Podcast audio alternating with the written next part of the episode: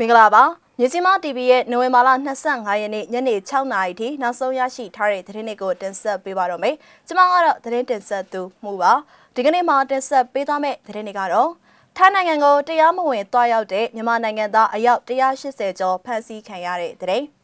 တပတ်အတွင်းမီတာမဆောင်ရင်မီတာပုံအပီးဖြုတ်သိမ်းမယ်လို့စစ်ကောင်စီချိန်ချောက်တဲ့သတင်းမန္တလေးမြို့မှာဘုံတွေဇက်တိုက်ပောက်ကွဲနေတဲ့သတင်း ဆီးရီးယားကိုအစ္စရေးရဲ့တိုက်ခိုက်မှုအတွင်း၄ဦးသေဆုံးတဲ့တဲ့အစရှိတဲ့သတင်းတွေကိုတင်ဆက်ပေးသွားမှာပါ။ဦးဆောင်တဲ့အနေနဲ့ထိုင်းနိုင်ငံကိုတရားမဝင်သွားရောက်တဲ့မြန်မာနိုင်ငံသားအယောက်180ကျော်ဖမ်းဆီးခံခဲ့ရတဲ့သတင်းကိုတင်ဆက်ပေးပါမယ်။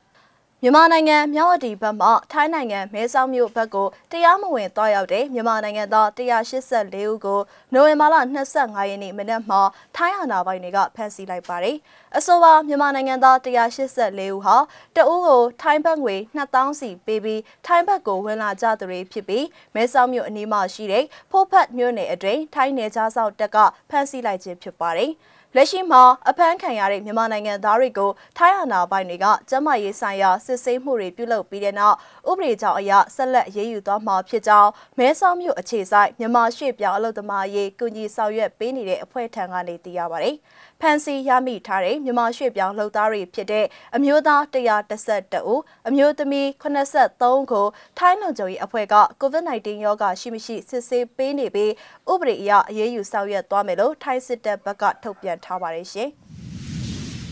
ဆက်လက်ပြီးတပတ်အတွင်းမီတာမဆောင်ရင်မီတာပုံအပီးဖြုတ်သိမ်းမယ်လို့စစ်ကောင်စီချိန်ချောက်တဲ့သတင်းကိုတင်ဆက်ပေးပါမယ်။ပဲခူးတိုင်းကဝါမြို့နယ်တပြုတ်ရွာသားတွေကိုတပတ်အတွင်းမီတာကမဆောင်ရင်မီတာပုံအပီးဖြုတ်သိမ်းမယ်ဆိုပြီးအကြမ်းဖက်စစ်အုပ်စုဝင်တွေကချိန်ချောက်ခဲ့တယ်လို့သိရပါတယ်။ နိုဝင်ဘာလ23ရက်နေ့မှာအင်ဂျီ2000ကျော်ရှိတဲ့တပြူရွာတရွာလုံးကိုလျှက်စစ်ဝန်ထမ်းတွေကအဖွဲ့9ဘွဲ့ခွဲပြီးအိမ်တိုင်းကိုမီးဖြတ်လိုက်ရုံတင်မကအဲ့ဒီလိုချင်းချောက်တာတွေလည်းရှိတယ်လို့ဒေတာကန်တွေကပြောပါတယ်တချို့မီးဖြတ်တဲ့အဖွဲ့ကအဲ့ဒီလိုချင်းချောက်လို့မီးဖြတ်နေတော့မှအာချင်းမီတာသွားဆောင်သူတွေရှိတယ်။23ရက်နေ့ကမီတာသွားဆောင်တဲ့သူတွေကို24ရက်နေ့17နာရီလောက်မှမီးပြန်ပေးတယ်။အိမ်တိုင်း9လစာဆောင်ရတယ်လို့သူကပြောပါတယ်။ မြန်မာတနိုင်ငံလုံးကိုဖျက်တဲ့ဒန်တက်တုလုပ်ငန်းဟာသပြုရွာမှာအခြေစိုက်တာကြောင့်သပြုတရွာလုံးရဲ့ရာခိုင်နှုန်း60ဟာလုပ်ငန်းသုံးမီတာတွေဖြစ်တယ်လို့ဆိုပါတယ်အလုပ်တွေကမကောက်တော့မီတာကအများကြီးမရှိဘူးခုနလစာကို10သိန်းကျော်အထိစောင်းရတဲ့လူတွေရှိတယ်တချို့လဲ6သိန်းလောက်စောင်းရတယ်အိမ်သုံးတွေကတော့3သိန်းပတ်ချလေးလောက်ကျတယ်လို့သူကပြောပါတယ် အခုအခါမီတာကဆောင်သူရန်ကုန်နှုန်း60လောက်ရှိပြီလို့ထင်ကြောင်းသူကဆက်ပြီးပြောပါတယ်။ပြီးခဲ့တဲ့3လဝန်းကျင်လောက်ကစပြီးတပြည့်ရွာတွင်လျှက်စစ်မီပြတ်တောက်မှုအချိန်တဖြည်းဖြည်းများလာတယ်လို့သိရပါတယ်။မနက်နေ့ကညအဆင်ပြေသလိုမီးပြတ်နေတယ်။2020အခုလိုအချိန်ကအချိန်ပြည့်နေပါမီးမပြတ်ခဲ့ဘူးလို့သူကဆက်ပြီးပြောပါတယ်ရှင်။ ဆက်လက်ပြီးမန္တလေးမြို့မှာဘုံတွေဇက်တိုက်ပောက်ကွဲနေတဲ့တဲ့ရင်ကိုတင်ဆက်ပေးပါမယ်။မန္တလေးမြို့ဒီကနေ့မနက်ခရဲကနေရအနှံ့ပြားမှာဘုံတွေဇက်တိုက်ပောက်ကွဲနေပြီးအကြမ်းဖက်စေအုပ်စုကလည်းအင်အားအများပြားနဲ့ပိတ်ဆို့ရှာဖွေမှုတွေလှုပ်ဆောင်နေရလို့ဒေသခံတွေကပြောပါတယ်။ဒီကနေ့နိုဝင်ဘာလ25ရက်နေ့မနက်9နာရီခွဲအချိန်မှာအမရပူရမြို့နယ်မှာမှန်တမ်းရက်ကွက်အုပ်ချုပ်ရေးမှုရုံအနီးမှာဘုံတလုံးပောက်ကွဲခဲ့ပြီးအမျိုးသားတအုပ်ထရာရရှိခဲ့တယ်လို့သိရပါတယ်။ တဆက်ထိန်မနက်6နာရီခန့်မှာမန္တလေးမြို့တော်စီပင်တာယာရေးကော်မတီရုံးနှီးမှာရှိတဲ့ CCTV လင်းရှိတဲ့ network cable ပုံးမှာဘုံတလုံးပောက်ကွဲခဲ့ပြီးမန္တလေးမြို့တွင်းမှာအကြမ်းဖက်စစ်အုပ်စုကစောင့်ကြည့်နေတဲ့ CCTV အချို့ပျက်စီးခဲ့ရတယ်လို့သိရပါတယ်။မနက်10:00နာရီခွဲအချိန်မှာမှန်တမ်းရက်ကွက်မြောက်ဝတီ Transition Company ခြံဝင်းအတွင်းမှာဘုံတလုံးထပ်မံပောက်ကွဲခဲ့တယ်လို့သိရပါတယ်။ဒါအပြင်မန္တလေးဈေးချိုတော်အနီး28လမ်းနဲ့85လမ်းထောက်မှာမနက်10:00နာရီခွဲခန့်မှာဘုံလို့ယူဆရတဲ့အထုပ်တစ်ခုကိုတွေ့ရှိပြီးတဲ့နောက်မှာဈေးချိုအတွင်းမှာရှိတဲ့ဈေးဆိုင်တွေအကုန်လုံးပြန်လည်ပိတ်သိမ်းသွားခဲ့တယ်လို့ဒေသခံတွေကပြောပါတယ်။ မနက်ထဲကဟိုနာဖုံပေါက်ဒီနာဖုံပေါက်တန်တွေကြားရပြီးတော့အနားမှာပါဖုံထက်တွေ့တယ်ဆိုတော့ဈေးဆိုင်တွေပိတ်သွားတာပါဈေးတဲ့ဈေးဝယ်မရှိဘူးလို့ဒေတာကန်တအုပ်ကပြောပါတယ်။ပောက်ကွဲမှုတွေနဲ့ပတ်သက်ပြီးအသေးစိတ်အချက်လက်တွေကိုတော့ဘယ်အဖွဲ့အစည်းကမှတိကျထုတ်ပြန်လာခြင်းမရှိသေးပါဘူးရှင်။နောက်ဆုံးသတင်းအနေနဲ့ဆီးရီးယားကိုအစ္စရေးရဲ့တိုက်ခိုက်မှုအတွင်း၄ဦးသေဆုံးတဲ့အကြောင်းကိုတင်ဆက်ပေးကြပါမယ်။သတင်းအပြည့်အစုံကိုတော့ရုပ်သံဖိုင်မှာရှုစားကြည့်ပါဦးရှင်။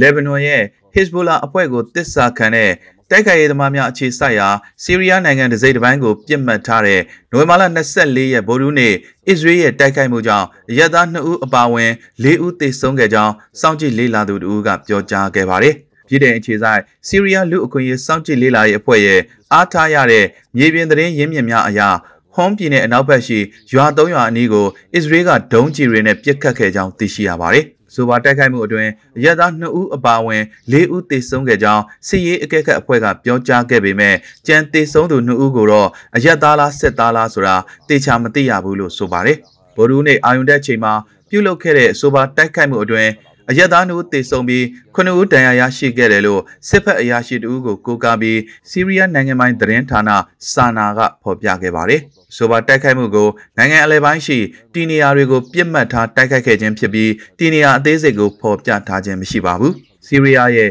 လေကြောင်းရန်ကာကွယ်ရေးစနစ်တွေကဝင်ရောက်လာတဲ့ဒုံးကျည်အများစုကိုပြစ်ချနိုင်ခဲ့ကြောင်းသတင်းရင်းမြစ်တွေကိုကိုးကားပြီးစာနာသတင်းမှာဖော်ပြပါရှိခဲ့ပါတယ်။ ဆီးရီးယားနိုင်ငံပေါ်၎င်းရဲ့တိုက်ခိုက်မှုတွေကိုနှုတ်ဆက်နေလေးရှိတဲ့အစ္စရေးစစ်တပ်ကတော့ပြည်ပမီဒီယာတွေမှာဖော်ပြထားတဲ့သတင်းတွေအပေါ်မှတ်ချက်ပေးဖို့ညှင်းဆိုခဲ့ပါတယ်။ အိန္ဒိယဆီးရီးယားကိုမိမိရဲ့ရန်သူအီရန်ရဲ့ဒုံးပစ်လွှတ်ရာနေရာတစ်ခုဖြစ်လာဖို့ခွင့်မပြုကြောင်းအစ္စရေးကအကြိမ်ကြိမ်သတိပေးထားပါတယ်။2011ခုနှစ်ဆီးရီးယားပြည်တွင်းစစ်ဖြစ်ပွားပြီးကတည်းကအစ္စရေးဟာဆီးရီးယားပိုင်တဲ့အတွင်းယာနဲ့ချီတဲ့လေကြောင်းတိုက်ခိုက်မှုတွေပြုလုပ်ခဲ့ပြီးအစိုးရတက်စကန်တွေအပြင်မဟာမိတ်အီရန်ကကြောတော့နောက်ခံပြုထားတဲ့တပ်ဖွဲ့တွေနဲ့ဟစ်စဘိုလာတိုက်ခိုက်ရေးသမားတွေကိုပြစ်မှတ်ထားတိုက်ခိုက်ခဲ့ခြင်းဖြစ်ပါတယ်။ နိုဝင်ဘာလ3ရက်နေ့ကအလားတူတိုက်ခိုက်မှုအတွင်းစီးရီးယားအစိုးရနဲ့၎င်းရဲ့အီရန်လိုလားတဲ့မဟာမိတ်တွေထိန်းချုပ်ရာနေရာတွေကိုထိမှန်ခဲ့ကြောင်းစောင့်ကြည့်လေ့လာရေးအဖွဲ့ကပြောကြားခဲ့ပါတယ်။အော်တိုဘာလ30ရက်နေ့ကလည်းစီးရီးယားနိုင်ငံမြို့တော်အနီးကဟစ်စဘိုလာနဲ့အီရန်တို့ရဲ့လက်နက်ခဲယမ်းတွေကိုပြစ်မှတ်ထားခဲ့တဲ့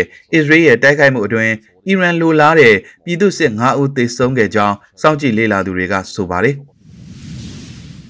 မြစီမ TV ရဲ့နိုဝင်ဘာလ25ရက်နေ့ညနေ6နာရီထိနောက်ဆုံးရရှိထားတဲ့သတင်းတွေကိုတင်ဆက်ပေးခဲ့တာပါကြည့်ရှုနားဆင်ပေးခဲ့တဲ့အတွက်ကျေးဇူးတင်ပါတယ်မင်္ဂလာရှိတဲ့ညချမ်းဖြစ်ကြပါစေရှင်